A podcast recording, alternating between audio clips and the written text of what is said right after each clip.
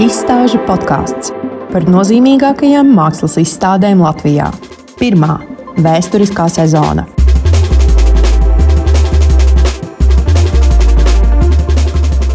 Sarunu inicijējusi Alise Careva ar fondu Mākslā vajag telpu un Kultūra Kapitāla fonda atbalstu.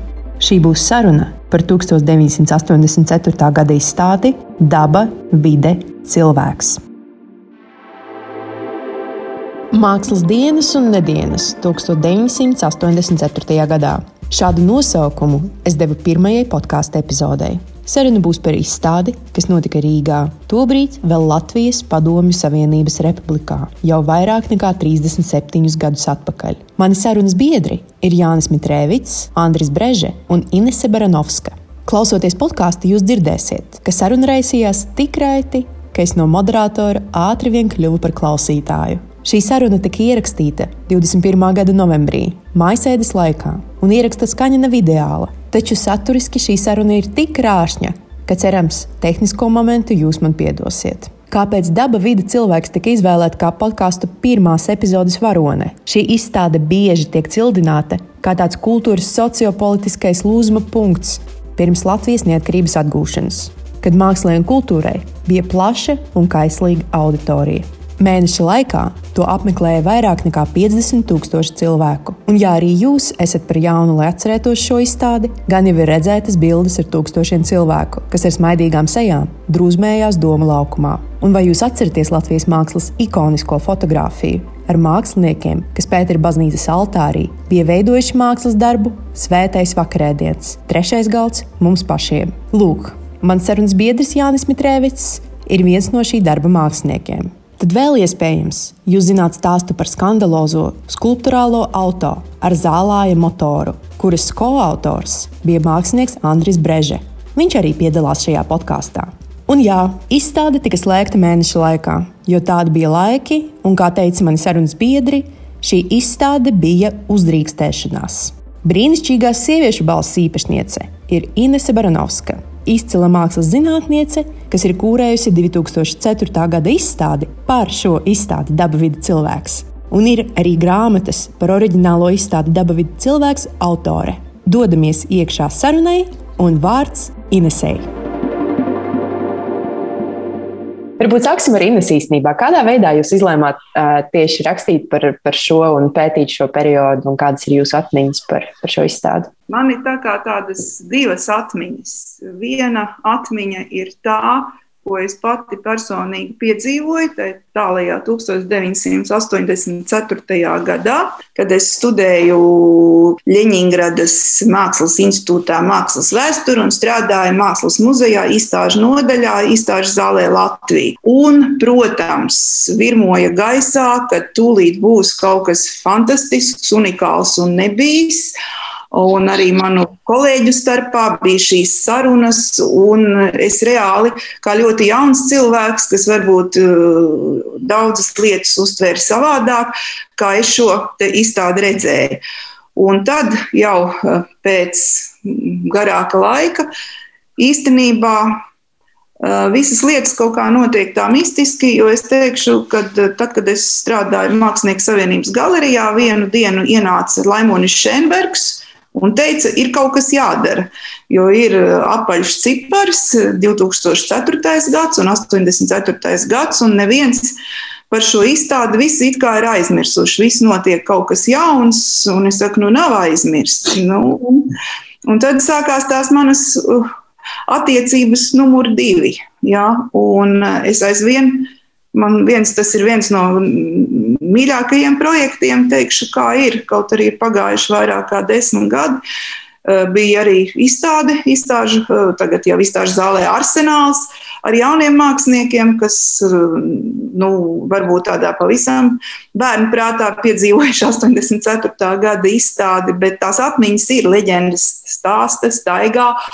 Un, uh, izstādēji paralēli mēs neveidojām gan katalogu, izstāde ir dokumentēta, bet galvenais, ka tapa grāmata Daba vide cilvēks. Uh, un grāmatai tekstus rakstīja Jānis Borgs, Ramona Umblija, Helēna Demakova, arī Andris Breže uzrakstīja esēju. Anita Vanaga, un tas viss bija jāapkopo, un arī materiālus vajadzēja savākt. Un, jā, un tas bija arī fantastisks kopdarbs ar Mārtiņu Ratniku, ar kuru mēs vēl vienu darbu esam veikuši nesen, beidzot atkal pēc milzīga pārtraukuma modernieka jūlija grāmatu. Un daba vide cilvēks, jā, es domāju, ka tā grāmata, nestoties uz to, ka vairāk kā desmit gadi pagājuši, viņa nav zaudējusi arī no sava dizaina viedokļa, gan kā materiāls, gan nu, saturiskais, gan arī es vēl pati tagad pašķirstīju.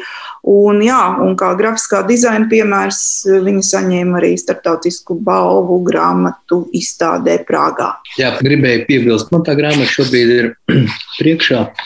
Man jāteic, ka tiešām ļoti labs ir eh, Ratnikam dizains, ir iznācis eh, šitai grāmatai. Bet eh, sev par pārsteigumu es tā biju. Nekad nebija atvērs, noņēmis tos viņa. Nost. Un tie vāciji ir noņemti, ir tāds lieliski fotoattēli no mākslas dienām. Lūk, šāds te ir priekšpus, bet šī lieliskā ar to padomu milici aizmugurē. Tas ir aizmugurs vāks. Mm. Uh, ļoti labi, vēl ar vienu mūsdienīgu paskatu grāmatu. Man viņa, es te, teikšu, tur, tur man nav ko piesieties, ir prieks. Un tās arī, tad, kad savāc tos materiālus, nu, daudz. Nebūtu šitā te saruna, es nekad tos vāciņus nebūtu noņēmis. Lūk tā. Uh, un jā, nu, paldies, bet es teikšu, uh, jā, un toreiz, tos eh, daudzos gadus atpakaļ, savukārt eh, kompliments Andrim. Es atceros, kā man, kā tādam jaunam puķim, nu man jūsu instalācija izbraukums zaļumos, man likās, wow, nekas skaistāks vispār. Es nesaku skaists, bet tas, tas bija tā sajūta, kā, es, kā, kā man kaut kā viņš šis darbs ļoti uzrunāja tajā savā esejā, grāmatā Daba vide cilvēkus. Tu tā ļoti ir ironija. Nu, diezgan, nu, kaut ko vajadzēja izdomāt, atradām, izdomājām, bet emocionāli man kā skatītājam, kā mākslas baudītājam, šīs darbs, eh, manuprāt, atstāja tādu visspožāko iespaidu mm. izstādē. Uh, viens no Plus, jā, arī Miervaldes polis ar savām Venecijas eh, lapusēm uz eh, ceļojumu Venecijai. Visi virmojās un runāja, ka tabaka ir uzgreznojusi sarmīti sīli un kāda tā būs. Jā, bija intriga baigā, es atceros. Jā. Eh, un, faktiski no šodienas viedokļa tā izstāde jau bija ļoti eklektiska. Ja? Uh, un, uh, bet, tāds šodien vairs nebūtu pieļaujams. Nu, nesaki, e, nesaki, nesaki. Vismaz viss būs vismaz. Tāda rudens izstāde. Uh, jā, nu, bet uh, tur jau, es domāju, nu, ideja nāca no Jāra Ābola kas Jā. bija vispār fantastiski, un šī ideja jau virmoja 80. gadu sākumā. Diemžēl Ojārs Sābols pats to nepiedzīvoja. Bet eh, tā jau bija izaugusi līdz tādai realizācijai. Par to Jānis Borgs stāsta. Mums izdevās atrast arī izstādes manifestu, kā tagad teiktu, jeb uzsaukumu māksliniekiem.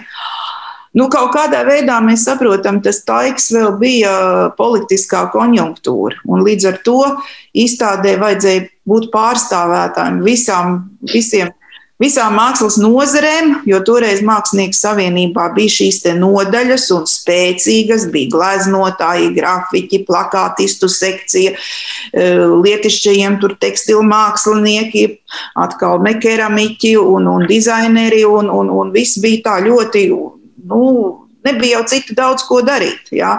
Un mākslas dienas tas viss jau bija pietiekami nopietni. Uh, Uh, nu, un šeit ir tas, ka tika pārstāvts, netika miksēts, netika, netika uh, dalīts.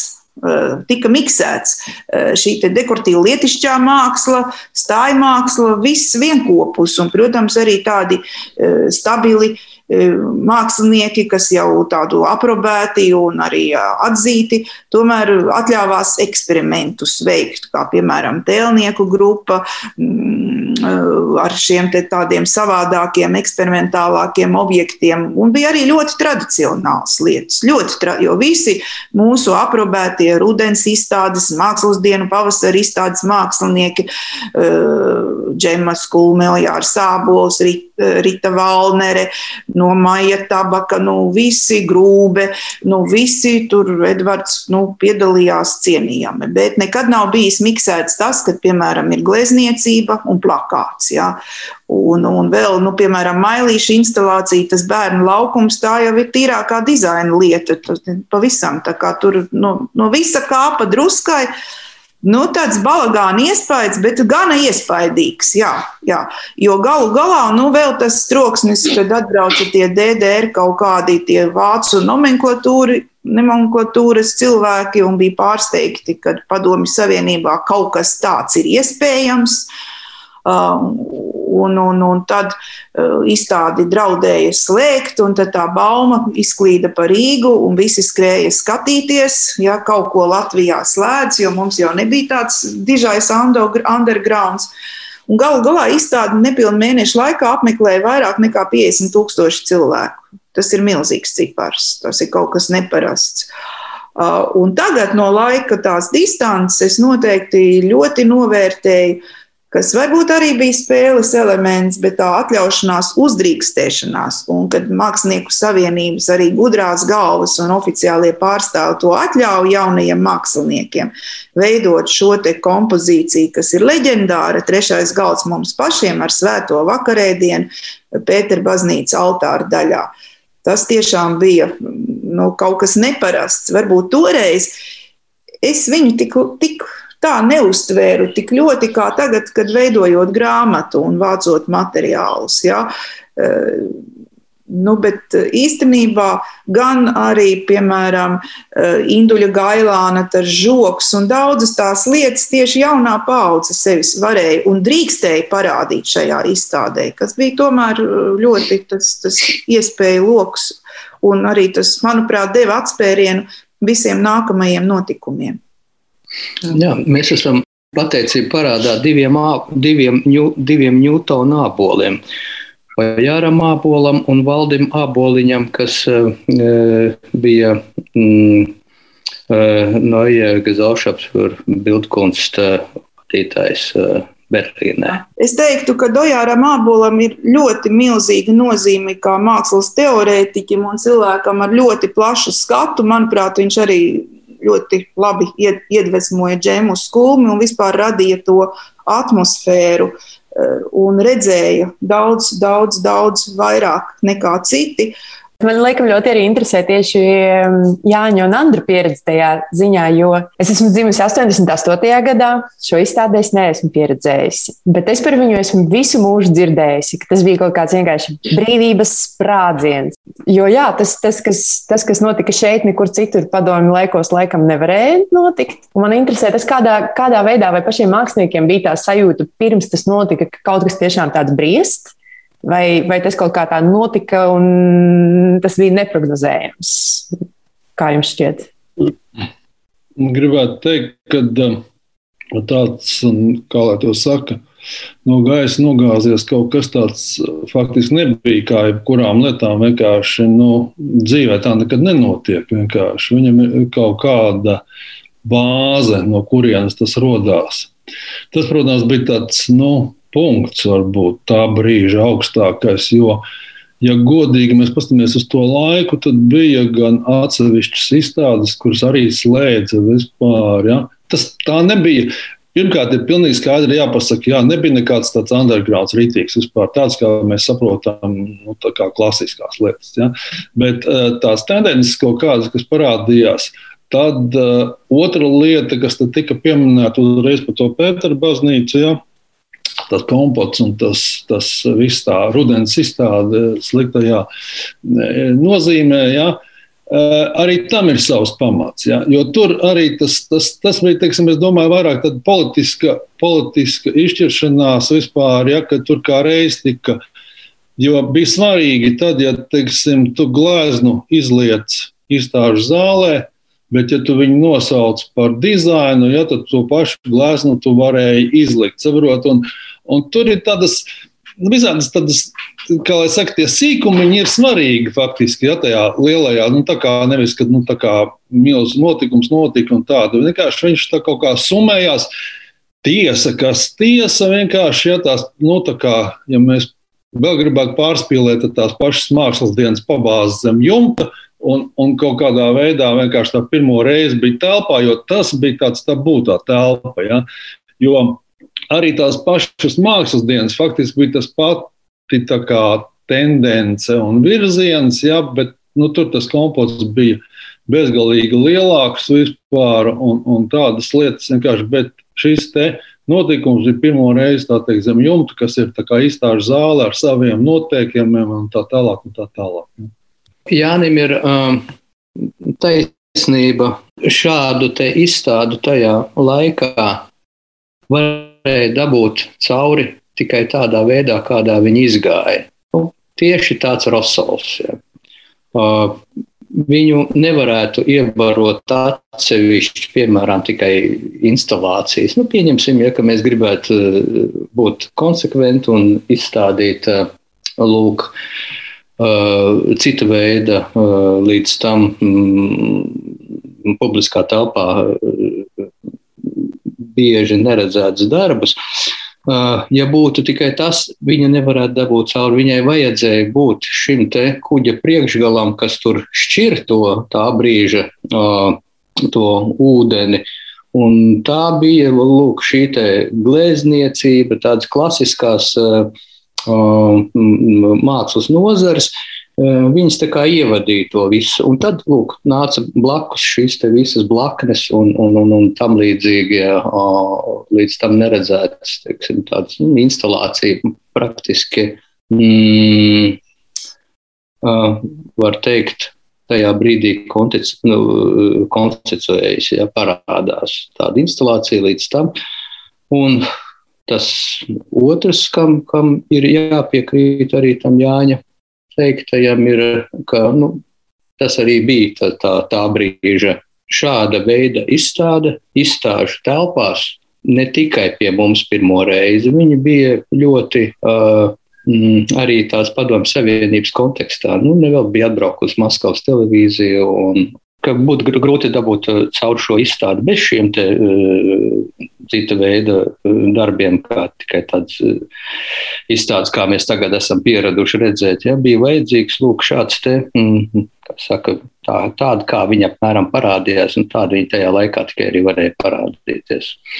Jā. Un, un tas, ka šī izstāde bija, nebija tikai šeit tāda novitāte, viņa bija tā padomu savienības mērogā ar to novitāti, jo undergrounds, protams, Maskavā bija un, un, un Ļeņģeradā daudz spēcīgāks, un, un, un viņš patiešām bija. Bet uh, tas, ka pirmo reizi oficiāli uh, šāda veida māksla tika akceptēta, akceptēta uh, mākslas, tādās oficiālās mākslas telpās. Varbūt jūs varētu nedaudz vairāk arī pastāstīt tieši par to darbu, kas, kas jums bija un kādā, kādā veidā tas notikās. Man jāteic, ka nekas nekad tāpat vien uh, nerodās. Ja, tam, tam visam uh, ir, ir šī paudze, kas ienāk iekšā. Ļoti lielā mērā ir uh, veidojusies jau kā tāda apzināta. Uh, šajā izstādē daudz ko varēja ieraudzīt tādu, kas labi raksturoja to situāciju, kāda. Piemēram, telnieku grupas Karainis, Dumpe un kas tur vēl bija, kas um, radīja Viņu prāt, viņiem likās, eh, ka viņi uh, rada kaut ko, kas ir nu, savādāks, tā tāda opozīcija tā brīža tādai mākslai. Tie bija tādi, tie bija tādi meklējumi, kas nesakņojās modernismā. Un to uzreiz var ieraudzīt, ja, ka ienāk iekšā uh, ļaudis, kas vienā brīdī sadomā radīt kaut ko priekš sevis neparastu. Ja. Šāda veida priekšmetu bija diezgan daudz.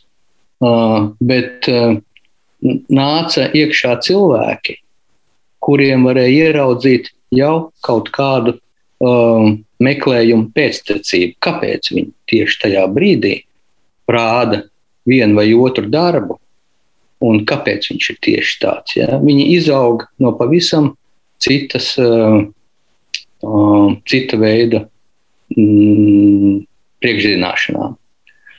Un, uh, jā, nu, par pašu to darbu tur daudz kas radās nu, tajā brīdī, strādājot un, un, un kopā radot to. Nevienmēr tas, no kā, kā tu to taisi, varbūt ir tas svarīgākais. Svarīgākais ir, kā tu tieši nonāci līdz piemēram, tādam darbam. Tie bieži vien ir ļoti smieklīgi motīvi. Nu, piemēram, manam draugam Valdim Ošiņam, kurš, starp citu, ir vēlākais. Šī izstādē piedalās divi cilvēki. Vēl. Tātad Valdis Ošiņš kopā ar mani taisa to darbu braucienu zaļumos, un uh, Imants Žodžiks kopā ar Hārdinu Lediņu un Leonardu Laganovsku taisa otru tādu. Viņiem ir metafiziskais interjers, tie neon krēsli. No šīm divām grupām Žodžiks un uh, Valdis Ošiņš ir tie cilvēki, kas uh, vēlāk uztaisa jauno Latvijas naudu. Nu jā, Valdim bija tāda automašīna, šis te vecais Kārlītis. Tā bija uh, pat automašīnas vēsture tāda, kad uh, pēc uh, kara Padomju Savienība kontribūcijas veidā paņem no vāciešiem un pārved uz Krieviju automobīļu Opel rūpnīcu. Un šo te automobīļu Opel kadets zem Markas Moskvičs, viņi turpina ražot visus tos daudzos gadus. Un kaut kā tā šī automobīļa forma kas vienmēr bija, viņā bija kaut kāda tāda, laikam no bērnības pieredze bija redzēt viņu, un viņa bija tā kā tāda pavadoša visur tevi. Šīs mašīnas braukāja pa ielām, lai arī bija pagājuši tik daudz gadu, vēl ar vienu viņas varēja redzēt, un viņa bija tāda, tā kā, tāda, nu, kaut kas tāds. Poētisks. Jā, tā, tāds likās. Nu, lūk, Valdim bija kaut kāds ieceres attiecībā uz viņu, bet man izdevās viņu pierunāt, ka mēs šo mašīnu ņemam un izmantojam saviem darbiem. Uh, un, un, un viņš strādāja tādā ugunsdzēsības biedrības skaitījās, kur viņš uh, bija attīstījis tādu sietspiedas darbnīcu. Nu, īstenībā tāds tam laikam uh, tāda, lai gan viņš strādāja oficiāli darbu, bet pamatā viņa jau tolaik jau bija tāda maza mazais uzņēmējs. Viņi nodarbojās ar tādiem eh, darbiem, ar visādas vimpeļus un tā tālāk, ko varēja pārdot dažādās nu, kādās tādās sabiedriskos pasākumos, vizītkartes un visādas tam līdzīgas.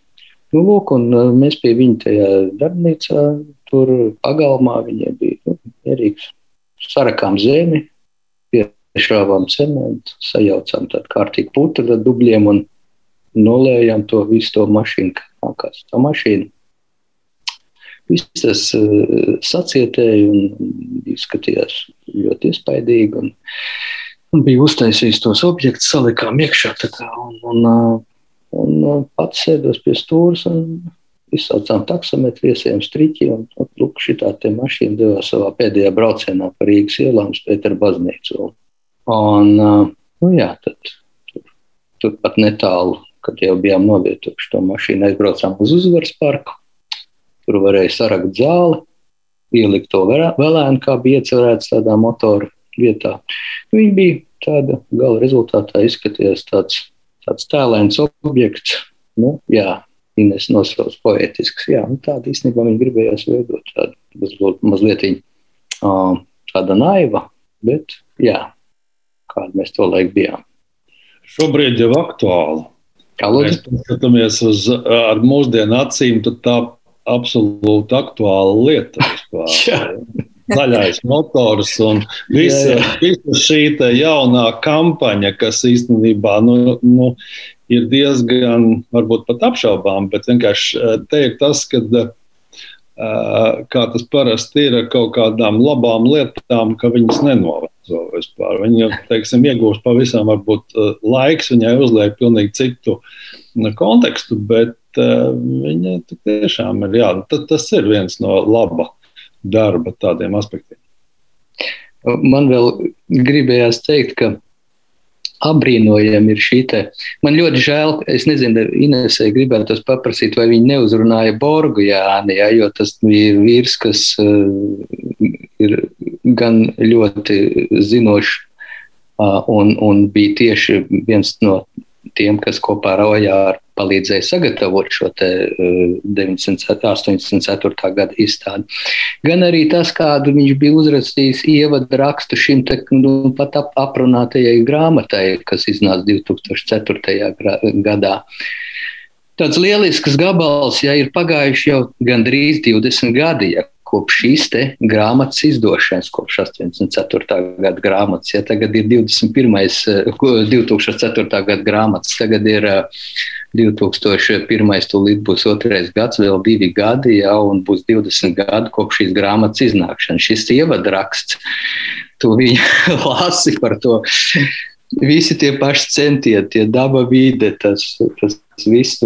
Tas ir tā kā tu ieslēdz tagad televizoru un tur dzirdēsi visu to pašu no rīta līdz vakaram. Ja, tu skaties, kā iet laiks. Ja, Kā tie cilvēki parās par to dabu vidi, un tu saproti, ka nekas nemainīsies tajā visā. Ja paies, vēl mēs tikai būsim tuvāk tai potenciālajai tādai tai nešaubīgi tajā vidas katastrofai. Bet, uh, tādi tās tie vārgie centieni atturēt no viņas un, un tas nepielūdzamais ražošanas cikls, kas dzen uz priekšu to, to, to cilvēku to attīstību. Tu lasi to borgu, to tekstu, un, un viņš ir tā kā būtu paņemts no mūsdienām. Jā, nu, ar Borgu es esmu ļoti daudz runājusi, un man arī ļoti patīk tas raksts, ko viņš uzrakstīja 2004. gadā.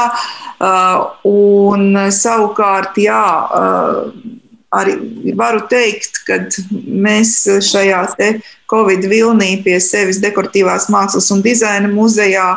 Uh, nu, es ceru, ka decembrī vai janvāra sākumā laidīsim tautā.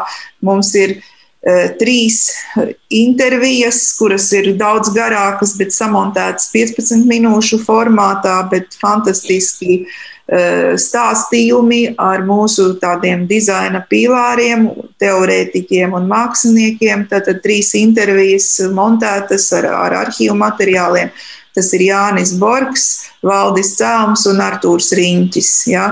Tas būs Jā. pieejams ar kultūra kapitāla fonda atbalstu. Un, nu, Borgs vienmēr sprēgā fantastiski, un tā Borga teorija eh, vienmēr, protams, ir. Eh, eh, nu, mēs vairāk fokusējamies uz dizainu un dekoratīvu lietišķo mākslu, un tas stāsts, ja žūriņa skola, visa borga pieredze, žurnālā māksla, ja, par to, par mākslu sintēzi, ja, kad starp mm -hmm disciplināri projekti. Tas ir tas, kas tagad ir aktuāls. Ja? Tā kā īstenībā vai šīs idejas 80. gadu sākumā Ojārs Sābols, kurš bija ļoti erudīts un zināja, kas notiek pasaulē, eh, Un, eh, un arī, protams, eh, Jānis Borgs un, un, un žurnālā māksla, Mikas Savisko redzējums par kino. Un šie te kad nav jau nepastāv kaut kas mm. viens pats par sevi, kad visas šīs lietas ir savienotas. Varbūt daba vide cilvēks izstādē 84. gadā. Nu, ir šis eklektisms, jā, eh, bet tomēr tur bija daudz izcilu lietu un inovatīvu lietu. Un tas, ka varēja savienoties, kas tagad ļoti reti notiek, kad bija visu pauģu mākslinieki. Mēs zinām, Ir kīma izstādes, kīma publika, ir mākslas mm. muzejs, mākslas muzeja publika, ja? ir galerija XO ar savu loku. Ja? Mēs tagad, nu, man nepatīk tas vārds, bet ir šie burbuļi. Ja? Tad tur viss gāja nigu, ņēgu, krustu šķērsu un drīkstēja. Ja? Un, ziniet, nu, es ar Jānu Mitrēvicu. Nu, Mums eh, toreiz Jānis Anmans bija jauno mākslinieku sekcijas kurators atbildīgais no vecā viņam viedais. Ja? Jā, jā. Māja Anmaņa māksla, nu mēs uz viņu tagad skatāmies no tā ar tādu mazu vīpsniņu. Ja? Un viņš tāds, tāds, tāds mūžīgais, tāds, tāds, ah, pat priecājās par dzīvi un tāds sentiments un, un, un, un galīgi. Bet nu, kaut kādā veidā viņš nebaidījās riskēt. Viņš piekrita visiem tiem projektiem, ko piedāvāja jauni, pavisam toreiz jā, jauni mākslinieki un atļāvās.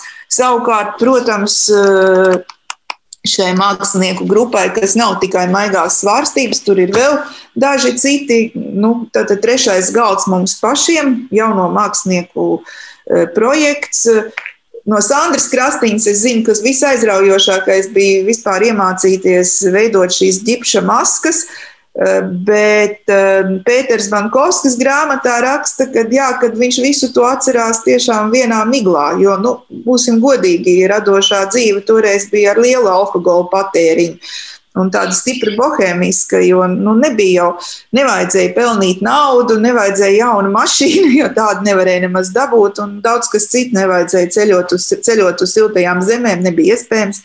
Dzīve bija savādāka. Eh, bet jā, šis bohēmisms un atļaušanās, Bankovskis uzraka raksta, ka viņam tas viss projektiņš ir bijis vienā vieno, vienīgā tumsā. Jā. Bet tumsas rezultātā ir radījusies tiešām hrestomātisks projekts. Jā.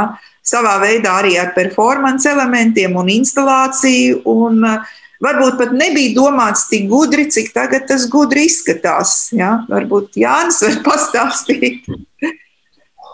Nē, nu, tur faktiski teiksim, ar tādām šodienas acīm skatoties, es pat brīnos, cik pragmātiski tas tika uzstāstīts. Jo uh, Jo ne, nu, tur ir tādas jocīgas lietas par tiem burbuļiem, ja, to neiedomājumu uh, savienojumu. Jo faktiski, um, ja mēs par to galdu runājam, tad pamatā tomēr tur bija tas uh, tā saucamās uh, maigās svārstības, tur tīri tehniski mums vajadzēja sabiedrotos. Tāpēc, teiksim, jo tas maigos svārstība, tā, tā grupa arī tāda nosacīta lieta, te viņi bija lielāka, te viņi bija mazāka, daudz un dažādos tur, teikt, veidos, kaut kādās izstādēs, tur kaut kādi bija uzpriešinājumi. Nu, dažādi iemesli pēc vispār, kāpēc viņa mainījās. Ja? Bet uh, Nu, par to miglu es teikšu, ka tur migla, eh, tā ir viena lieta, vienkārši tā viņa ir un tā viņa atkal izgaisda, bet eh, tā pieeja. Eh, es tik tiešām šobrīd abrīnoju, cik bija tāda, nu, jo faktiski, um, nu, tā rebēja kompānijai sadabūt kopā to un beig beigās vienoties par kaut kādu kopīgo lietu, kura nu, kā lai to saka, nu, kā jau teicu, vienkārši, kad ir saliktas tur tādas tā kā, nu, daudzas lietas kopumā, bet, bet Kāpēc varbūt sanāca tieši tāpēc, ka eh, nu, tā izējas punkts bija šī ideja un tās idejas attīstība. Ja? Nenosaucot to par eh, tur, eh, instalāciju, nenosaucot to par performanci un tā tālāk. Un tā tālāk. Tā katrai lietai tur bija sava vieta un pamatojums. Un, Un viņai tika, nu, sakot, bija ideja, kurai tika meklēts uh, forma, kādā veidā viņu vienkārši pagatavot. Nu, kaut kā tā, ja, kaut gan, nu, protams, tā pieeja, tas vieglums, ar kādu teikt, viss tas tika taisīts, tas nu, ir skaidrs, ka tas ir uh, brīvība, jaunība un, un daudzas tādas lietas vienkārši, bet, uh, bet, bet tā veids, kā tas tika pagatavots, man liekas, tīri profesionāli. Vienkārši. Arī pat tagad uz to skatoties. Jā, nenoliedzami. Un tomēr es domāju, ka arī fantastiska vieta toreiz bija Pētera baznīca. Man tagad ar skumjām jāskatās visas tās, jāklausās tās peripetīs ar Pētera baznīcas vispār likteni šobrīd, bet kopš nu, Pētera baznīca kļuva gan par baznīcu, tā kā divi vienā baznīca un arī izstāžu zāle tikai pa perimetru apkārt. Nu, tā ir pilnīgi cita vieta, bet toreiz 80. gados Pētera baznīcu restaurēja. Torni atklāja un skatu torni, un Pētera baznīca bija arhitektūras piemineklis un arī izstāžu vieta. Es vēl atceros arī no 70. gadiem, kad es beidzu uh, 77. gadā skolu, tur bija tekstilu mākslinieka izstāde. Nu, tā, ka man aizrāvās elpa, Edita Pauls Vīgnere, eh, Vorkals. kaut kādi milzīgi, tur, milzīgi gobelēni, tas baznīcas kaut kur pierauti pie griestiem. Tas viss izskatījās nu, tā. Ja? Un līdz ar to tai telpai bija tāds milzīgs potenciāls, un, protams, daba vide cilvēks arī ar šiem, nu, tā, tā arhitektūra un arī tas, ka jūs atļāvāties vakarēdienu šajā sakrālajā altāra daļā, un tas viss, protams, jā, tās, tās, tas, tas laiks ir, nu, kā lai saka, zudis. Bet, Jā. nu, es gribētu teikt, ka viņa aizstāvību tai, tai varbūt nu, baznīcai kā tādai, jo faktiski, ja mēs tā godīgi paskatāmies, tad nav jau tur nekāda pretruna. Tā māksla ar baznīcu vienmēr ir bijusi vienkārši kopsakarā ir kaut kādas, jā, kaut kādas tabū lietas, kas, teiksim, pieņemsim, vīna dzeršana, varbūt pie galda, jā, trešā, un, un, un kaut kādas lietas vispār, nu, tādas nianses, bet savādāk es domāju, ka, teiksim, tā mākslas un, un tās baznīcas tā. Nu, tas nemaz tik, tik ļoti pretrunīgi nesanāk faktiski. Nē, nē, es tev piekrītu. Es domāju par to, ka tā spēja, ka tā izstāde aptvēra visu telpu. Un tas, kas tagad notiek pēdējos divos desmit gados, ja Pētera baznīcā principā normāli izstādi vairs nevar uztaisīt, jā, jo centrālā daļa netiek izmantota. Tur ir tā kā dievlūdzējiem domāta, un tā, tā ēka nu, vairs nestrādā tā.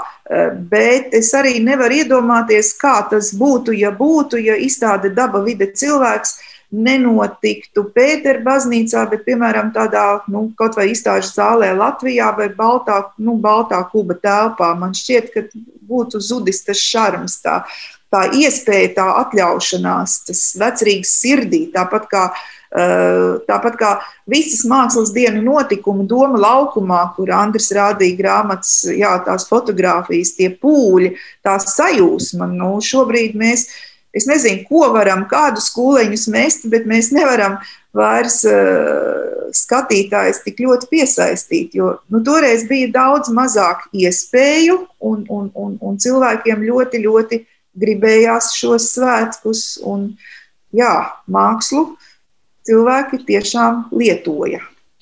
Ar ko jūs, prāt, tas ir saistīts tieši šis pūļa fenomens, kurš, man liekas, ne pirms, ne pēc nekad nav redzēts, un diez vai arī kaut kad mēs to pieredzēsim. Tas ir, sa tas ir saistīts ar, ar, ar, ar totalitārismu režīmu tas ir saistīts. Tad, kad tev nekā īstenībā nav, ja cilvēkiem vienmēr visos laikos ir vajadzējis maizi, vīnu un izklaides, ja, bet, un tad, kad šo izklaidu trūkst, lūk, šo caurumu aizpildīja mākslas dienas. Ja, no tā var redzēt šos brīnumainos pūļus, kas tur ir jau un tā tālāk. Nu, cilvēkiem gribējās ieraudzīt kaut ko, kas, kas nav tāds gluži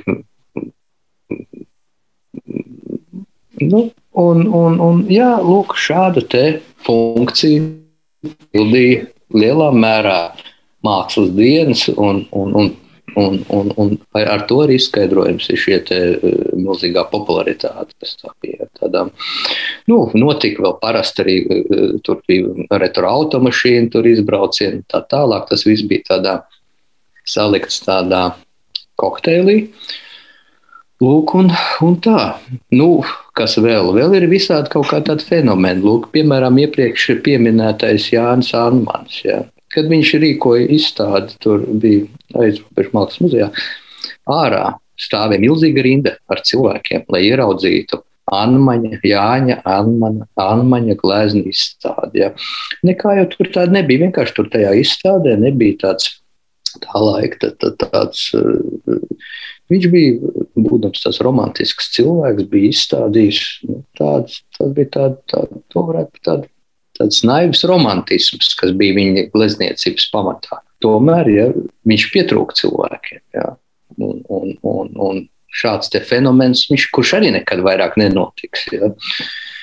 Domāju par to, to kontekstu. Vienkārši ja, nenāca prātā par to milzīgo daudzumu un mākslas dienām un tādām. Pieņemsim, tāds nu, fenomens ir teiksim, dziesmu svētki. Ja?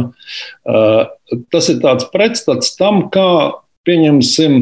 Es nedomāju, ka tādām mākslas dienām būtu jābūt tādiem dziesmu svētkiem, kas ir teikt, vizuālās mākslas tāds. Bet tur ir zināma politika apakšā, kā teiksim, nu, brutāli runājot, kā teiksim, tiek likvidēti kolhozi, un pēc tam tiek atkal zemnieki sajiet atkal jaunos kolhozos, vienojās par kaut kādām. Ja? Runa ir par to, kādā veidā notiek tā pāreja. No vienas, vienas sistēmas uz citu sistēmu. Viens ir tas, ka visvienkāršākais un radikālākais, protams, ir nolīdzināt visu tas revolucionārais uh, princips, ja, kad tiek nolīdzināts viss un, uh, līdz pilnīgai nulai, un tad mēģinam uzbūvēt. Ja? Tāpēc es domāju, arī šī brīža situācija ir tik grūta. Ja? Ir grūti uzbūvēt, uzbūvēt jau ilgi šo mākslas scēnu, tāpēc ka viņa tika nolīdzināta līdz pilnīgai vispār nulē.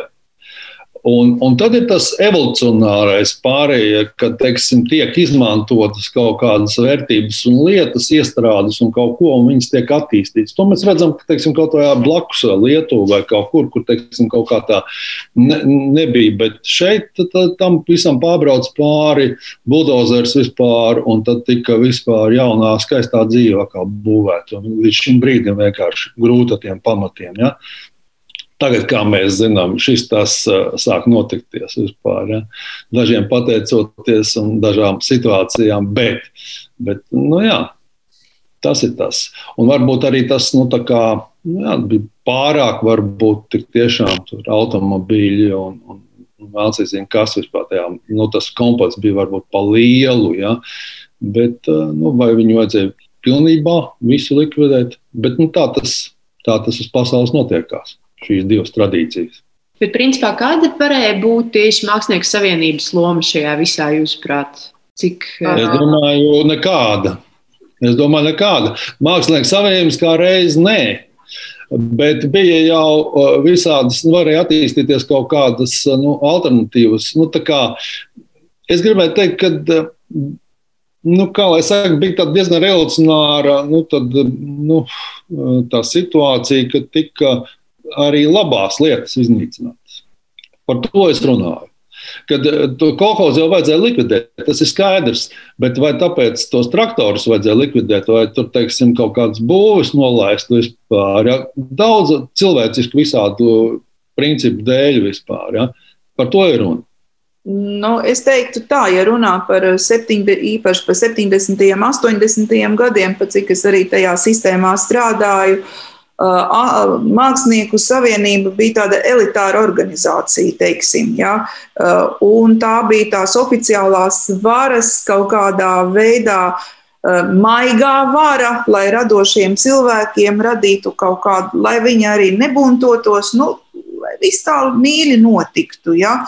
Jauno mākslinieku izstādes tika veltītas komjaunatnei, nu labi, nepatika Aija Zariņa, tur ar savām gleznām, tāpēc, ka nepatika profesoram Eduardam Kalniņam un vēl tur kaut kā, bet īstenībā, nu, tas, nu, tā sistēma tur darbojās, jo bija sakārtota un uh, ļoti nopietni. Jā. Nu, tagad jau katrs mākslinieks, nu, ir mazas mākslinieku grupas, nelielas jauni veidojumi, bet Tad jau bija tāda rūpīga sistēma. Džema Skūma bija Mākslinieku savienības prezidente, tad bija vietnieki, sekcijas, sapulces. Viss notika ļoti, ļoti nopietni un daudz. Jā, tagad ir katrs aizņemts pats ar sevi, un uh, laiks ir pilnīgi savādāks. Bet uh, īstenībā tā kā tika tiešām buldozers pārbraucis pāri Eh, mākslas institūcijām 90.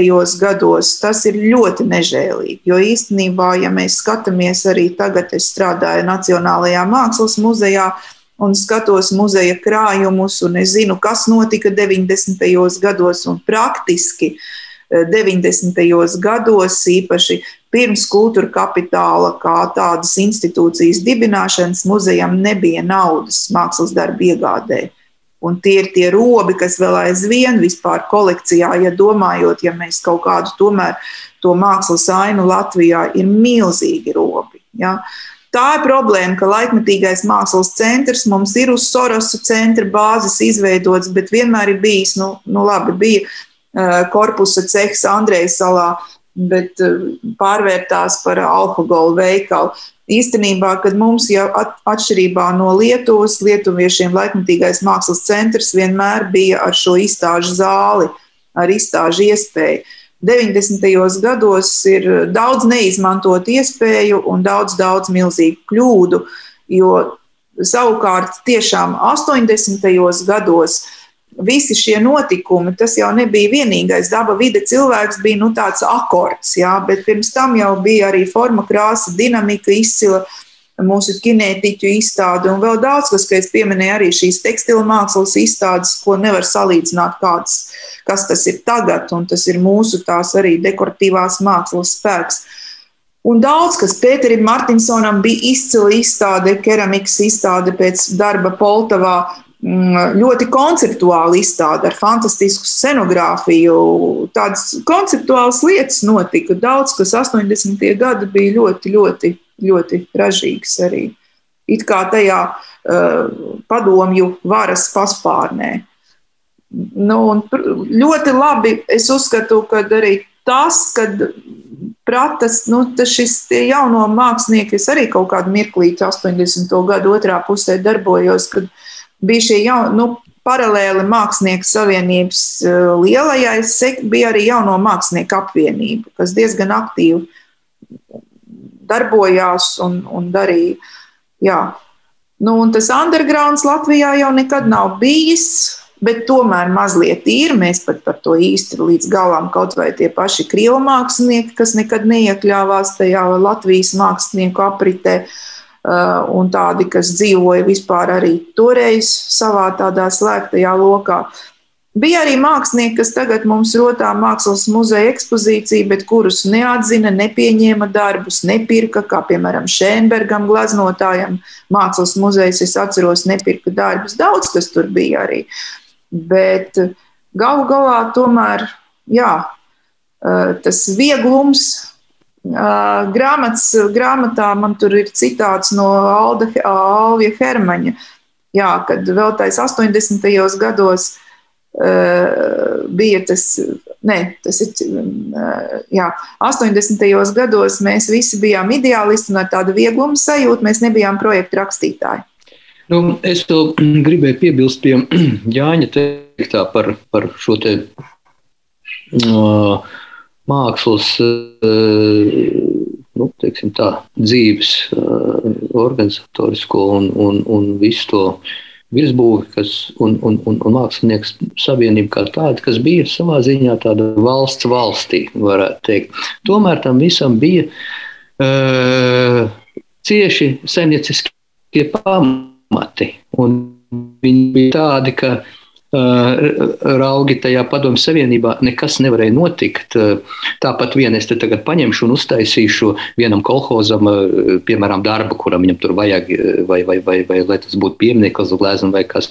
Visi šie darbi gāja caur kombinātu mākslu, caur mākslinieku savienību, ja, jo bija vajadzīga organizācija, caur kuru izl, iziet šis process - mākslinieks un pasūtītājs. Ja, un peļņa nonāk Eh, daļa peļņas nonāk eh, valstī, mākslas saviem un tā tālāk. Ja. Vārds sakot, Tu nevarēji, es nevarēju, piemēram, paņemt, ja es varēju aiziet vienam ārstam, uzgleznot eh, viņa piemēram, portretu vai, vai kaut ko tamlīdzīgu. Bet es nebūtu varējis to izdarīt eh, kolhozai, rūpnīcai vai, vai kaut kādai. Ja tikko parādījās saimnieciskās darbības veicējs, pa vidu bija kombināts māksla, caur kuru lūk šie pasūtījumi gāja. Ja. Tam visam bija konkrētas saimnieciskas lietas. Un tad, kad bruka šī sistēma, protams, pirmā sabruka tieši tā saimnieciskā puse. Un tad, kad izzuda saimnieciskā puse, vairs nebija pilnīgi nekādas vajadzības pēc mākslinieku savienības. Ja. Lūk, ir apmēram aina, kāda radās, teiksim, ja viņu apskatās, kāpēc ir tā un kāpēc nav savādāk. Kapitālisms, draugi. Jā, bet neaizmirst to ideālu. Ne, saimnieciskais, tas es ne, nepiekrītu, ka teiksim, tas bija saimnieciskais. Tas uh, saimnieciskais jau varēja turpināt un pastāvēt. Tas ideoloģiskā bāze tā nobruka vispār, un tur tas konflikts radās vispār. Saimnieciskā puse, es domāju, nē, kā reizes, es domāju, tur. Nu, tad, kad pazuda tā saimnieciskā. Tad, kad pazuda tā zemnieciskā puse, eh, tādai veidai kā tā eh, kombinācija māksla, visa tā eh, mākslinieka savienība, visa tā kombināta kaut vai ēka, viņai pazuda zemnieciskais pamats, tāds būt. Ja. Varēja, protams, tālāk jau vajadzēja, nu, mēs labi zinām pēc tam daudziem kongresiem, kā vienmēr attīstās notikumi ar šo mūžam kartupeli karsto mākslinieku nāmu. Ja. Viņš ir miniatūrā, viņš nodemonstrē mums visu sistēmu. Viņš parāda, ka sistēma sastāv no cilvēkiem, ka cilvēkiem ir vājības, ka ne visi cilvēki ir prātīgi, ne visi cilvēki zina, kā ar to rīkoties, ne visiem piemīt goda prāts rīkoties godprātīgi. Ja. Un lūk, tā solīt pa solītim arī izvazājās. Tā manta beidzās viens vai otrs uh, funkcija. Ja. Nu, tā apmēram. Nē, nē, nu, ir, ir kas gājis zudumā, bet eh, nu, mistiskā veidā tas uh, kolektīvais mākslinieku savienības šitas, te, teikt, īpašuma turēšanās, tas ir tas, kas tā teikt, nosaukumu vēl ir noturējis.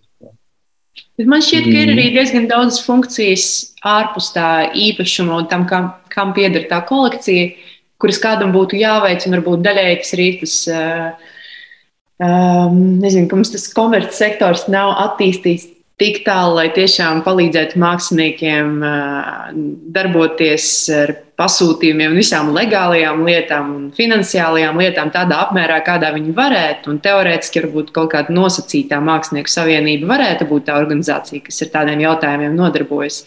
Bet mums ir tāds rops, kurš, cik es saprotu, pat nosacītajā Igaunijā tomēr nav tik izteikts, jo viņiem tomēr tā organizācija kaut kādā kaut kā reinkarnējās uz kaut ko nedaudz citu un kaut kā turpina darboties. Bet varbūt man ir kļūdains tas priekšstats. Nē, nu, ziemeļbrāļiem ir, ir drusciņš savādāk iekārtot galvas kausa iekšpuse, un viņi prot citādāk rīkoties. Kaut vai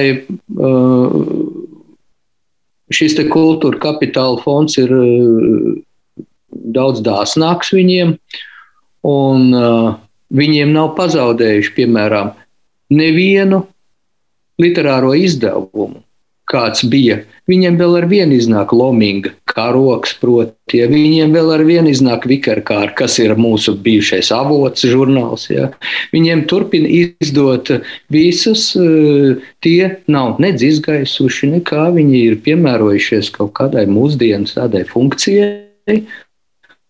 Un, eh, preses izdevumi turpina darboties. Protams, ja viņiem noņem šo finansējumu, es domāju, tas viss izčākstētu vienā tādā spožā mirklī, bet mm, šis finansējums tam visam tiek atvēlēts. Es domāju, līdzīga droši vien darbība notiek arī tajā uh, mākslinieku jā, bijušajā. Nu, tā iespējams, jā, varbūt tā. Bet es domāju, ka mēs, kaut kā mums tā saruna ievirzījās, tā teikt, tas, tā, tā līnija nogāja zemē. Es, tas, jā, nu vienkārši es domāju, tas fakts, ka, ka tā kā bija tā revolūcija, bet tas jau, protams, atkal te vajag atcerēties latviešu strēlniekus un visus vispār revolucionārus. Vienkārši, ka tā ir atkal tā teikt, nu tā ir mentāla nepieciešamība tās revolūcijas visu laiku taisīt vispār, un tā tas ir. Tas ir jāpieņem vienkārši. Jā. Jo ir jau tur arī savs labums tam tukšajam būvlaukumam, nevis teiksim, tām restaurācijām. Ja? Nu, tā kā varbūt vajag izmantot tās jaunās iespējas. Es domāju, nekāda atpakaļgaita nav iespējama. Un, ja tas kaut kādā veidā darbojās šī valsts valstī 80., 70., 80. gados, tas tomēr viss bija būvēts uz tādām māla kājām. Un līdz ar to, kad radās cita struktūra, kapitālisms, eh, tāda institūcija vispār, kā Mākslinieku savienība, nu, tā jau bija tāda agonija, lēna agonija un vēl aizvien, bet tas nav iespējams. Uh, jo tieši ko Andris pieminēja, kombināta māksla, tie milzīgie pasūtījumi. Mūsu mākslinieki veidoja, starp citu, vairāk tieši eh, dekoratīvi lietišķās mākslas pārstāvi, veidoja milzīgus interjerus eh, pa visu padomu savienību, kultūras nami, eh, lielām rūpnīcām, ko tik nedarīja, un tā visa nauda ieplūda, un mākslinieku savienība varēja, arī tika tērēta tā nauda, un tika tērēta tā ar šiku, un daudz kas tika aizceļojis un uzbūvēts privātās vasarnīcas un viss pārējais. Ja. Tā kā, nu, tas ir pagājis, un tas ir jāaizmirst. Nevienam, es esmu runājis ar kolēģiem Igaunijā un Lietuvā, šis pārējais periods katrs ir izdarījis savas kļūdas. Vienīgais, es piekrītu, protams, Sandrim arī, jā, kad šis atbalsts un rūpe, valsts rūpe par radošajiem cilvēkiem ir, protams, varbūt ir veiksmīgāk tas darbojās Igaunijā diezgan problemātiski Lietuvā. Lietuva, piemēram, vispār izpārdeva Mākslinieku savienības mākslas darbus savā vienā mirklī, kaut ko tur pārdeva. Mums vismaz visi ir. Tas varbūt bija pareizs solis, varbūt pareizs solis bija tajā mirklī, kad par viņiem bija interesi viņus izpārdot, nekā, teiksim, turēt mūsu to kombinātu, to kolekciju, kur tu tagad skaties un domā, un kam to vajag.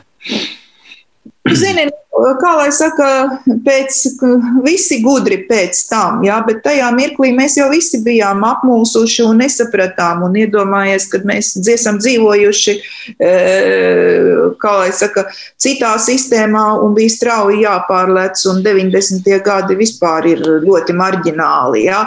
Bet 80. gadu dzīvīgums un izturība, es teiktu, mūsu paudzei, tomēr tas ir devis tādu baigo, nu, kad vienalga nezūd interese un īstenībā nu, tas radošuma potenciāls ir liels, un tieši tad veidojās ļoti interesants lietas. Šobrīd arī 87. gadā žurnāls avots, ja, ar izcilu supergrafiķi. Arī tā, ko Ģelzes iekārtoja jauno mākslinieku izstādi 87. gadā izstāžu zālē. Ja, eh, kur visi mākslinieki jaunie konsolidējās un uh, teica, ka, ja neļaus izstādīt AIS zariņas darbus, tad visi ņems no savas gleznas, jo tas ir viņu īpašums, un izstāde nenotiks. Un komjaunatnes eh, gada dienai jubilejai veltīta izstāde Eh, kultūras ministrijas pakļautībā izstāžu zāle. Eh, atskrēja toreiz bija mūsu koordinators Lukašs, es biju izstādes koordinātora muzejā.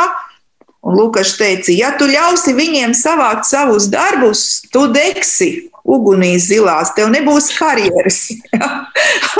un, un, Un mēs sēdējām, es atceros, ilgi, ilgi vakarā un gaidījām to, vai ļaus Aijai Zariņai. Beigās Aija bija un izstāde notika. Un, un jā, Nu, visādi gāja, bet tas bija tāds, un, un, un pēc tam fantastiskā maigo svārstība izstāde, e, kas, e, nu, un visas šīs iespējas un atkal tā uzdrīkstēšanās, tā, tā ļaušanās, ja, un tā brīvības sajūta, tas ir tas, ir tas vērtīgākais. Un es ceru, ka, nu, es ceru, ka tam arī jābūt tagad, un, un labākajiem māksliniekiem tas ir, ar jaunai paudzei arī tas ir tagad tā uzdrīkstēšanās, jo tiešām nu, jau nu, tā radošā, radošā darbība, tas jau ir dzīvesveids un tava pārliecība. Nu, un, un, un tu nevari to darīt, lai kādam izpatiktu. Tas ir jādara tāpēc, ka tu to nu, savādāk nevari. Un tad, manuprāt, tas rezonē uz arī pārējiem. Un par to publiku, par tiem daudziem cilvēkiem, jā, kur tad viņi tagad ir pazuduši. Uh, nu, tika darīts viss, māksla jau neinteresēja 90. gados. Jā, ne dzēja, ne māksla, ne literatūra. Cik, cik polarizējoši tobrīd bija māksla? Jo es saprotu, labi bija pūlis, bet cik no viņiem bija kaut kā varbūt arī ar negācijām saistīti. Nu, tas ir jautājums, uz kuru es nezinu atbildēt, tāpēc jautāju. Man šķiet, ka šobrīd ir diezgan tā tā situācija ar laikmatīgās mākslas izpratni no, no apkārtējiem tāda varbūt nevienmēr pozitīva. Ne, bet tāpēc es saku, ka eh, es domāju, jo mēs te pieminējām Igauniju vai Lietuvu un viņu problēmas, un, un lamājam valdību, tad tur nav nekāda uh, valdības vaina par to, ka tas finansējums tika nogriezts. Tas ir pašu mākslinieku attieksme. Mākslinieki izrada sev šo bedri un viņā iekrita. Ja? Uh, visas tās, uh, nu, teiksim, tur tīri tehniskās lietas, kādā veidā tas, tas ir, uh, tur ir citas lietas. Vienkārši tas, kas bija varbūt Es domāju nevis par mākslinieku savienību, es domāju par tādu arotbiedrību, par to sociālo sfēru, kas būtu teiksim, bijis, kurai bija jāpārvēršās, jāatmet šī ideoloģija vienkārši un jāaizstāv tās mākslinieka intereses. Ja? Kaut kā tas varēja būt tas konsolidējošais, kas arī tad tiktu, jo varēja likvidēt visu, visu nogriezt, nevienam nekas neinteresē. Nu, kā mēs zinām, vienkārši kādam ir tas jāvirza, un neviens jau tā teikt, vispār dzēnieki nevirzīs kaut kādus māksliniekus vispār. Ja? Tā, tā ir paša vaina vienkārši tur tajā, ja mēs par to vēl, bet nu, tā kā pagātni tur tā kā rokamies. Ja? Tā nu, kā, nu, tālākais bija, tās bija rezultāts tam, kas tika, par ko es saku, kas tika nolīdzināts vispār. Jā, viss, viss tas, kas. Šobrīd situācija vislabāk arī parāda gan to, kas ir māksla, gan kāda ir vajadzība pēc viņas, ja cik liela kā. Mēs pat labi runājam par to, par, par brīdi, kad teiksim, kādam būtu jāstudē, nu, piemēram, no valsts puses šāda māksla. Un tomēr, ja mēs tā apskatāmies uz to un aizmirsīsim, mēs pieņemsim par valsti. Domāsim, kam to mākslu tad vispār vajag. Ja? Un to, kam viņu vajag, tie ir tikai daži cilvēki. Ja? Un tos mēs redzam. Un, uh, savā ziņā šī situācija, lai cik viņa varbūt tās arī nebūtu, kāda viņa ir godīga vispār. Godīgi mēs ieraugām mākslu, tās funkcijas pašā saknē. Lūk, tik daudz viņas ir, tik daudz tiem dažiem viņu vajag, par pārējo vienkārši aizmirstam. Ja? Māksla ir tāda putukrējums uz kaut kādas tortes, mēs varam par to priecāties, ja? kad, kad ka mums pašiem kaut vai tas interesē. Ja? Gribēt, lai vēl tur kāds interesē, man liekas, ir ļoti daudz. Nu, bez tam arī izglītības Nē, līmenis tur, jau arī mainās. Tur ir tā mainās arī sabiedrības struktūra, cilvēki paliek mazāk, viņi aizbrauc, jauni nedzimst, ja viss kopā veido šo bildi. Tā ir tāda dilstoša bilde, pa kuru mēs tā lēnām dodamies lejup. Bet, jā, jā, tie ir tieši tā. Vienkārši tu saki, tie daži cilvēki un dažiem, kam, kam mums tā māksla ir vajadzīga, un atgriežamies pie valsts, eh, eh, tur jau ir tā ideoloģiskā krīze. Eh, tāpēc, kad nu, mēs nodalām atkal, mēs un, un valsts atkal šī te, teikt, kaut kāda valsts vispār. Ja, Tur jau ir tā, tur tie mākslinieki. Nē, nē, nē. Valsts, Jā, nē, tas, ka tā valsts jau ir tie paši cilvēki. Mēs esam tā valsts. Mēs esam tā valsts. Ja? Jā, tā tad mūsu vajadzība ir tieši tik neliela, cik mēs redzam. Nu jā, bet tad, tad vienkārši tur ir atkal tā problēma par to ambīciju. Jā, jo faktiski ja, to jau es kaut kad, tas mans jājamais zirdziņš par tām ambīcijām. Vienkārši ir jābūt šai ambīcijai vispār. Jā. Un, un tad tā kā radās vispār, uh, tad tā kā vajag ēst, tad tā kā vajag bērnus. Visa, visa, kā, visa tas, jā.